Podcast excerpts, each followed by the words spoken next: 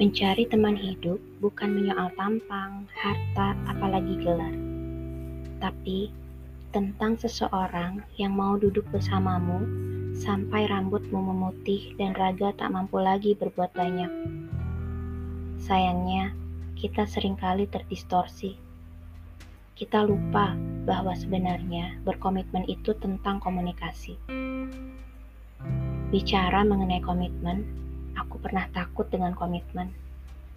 Aku takut dengan kata menikah. Takut dengan ikatan monogami seia sekata.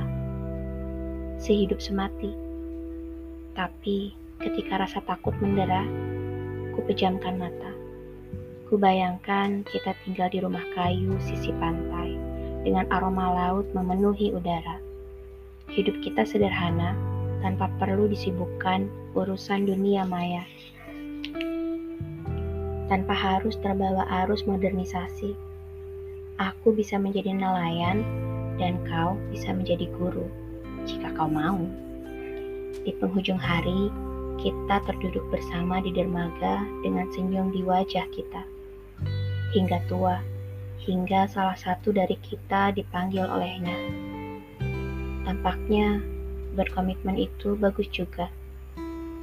Jatuh cinta adalah anugerah, walau perjalanannya tidak terlalu indah. Lantas, apa itu cinta? Kau pernah bertanya soal itu dan aku yang sok tahu ini berusaha terlihat pintar di hadapanmu.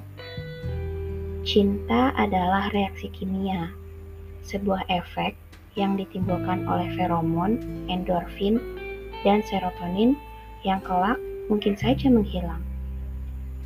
Iya, cinta bisa menghilang. Lantas, kenapa kakek dan nenek kita bisa bertahan hidup berdua sampai mereka meninggal? Karena saat cinta menghilang, mereka punya sesuatu yang disebut kasih sayang, keterbiasaan, empati, dan tentu saja komunikasi. Jadi, untukmu calon pendampingku kelak, aku tidak tahu sampai kapan aku bisa jatuh cinta padamu.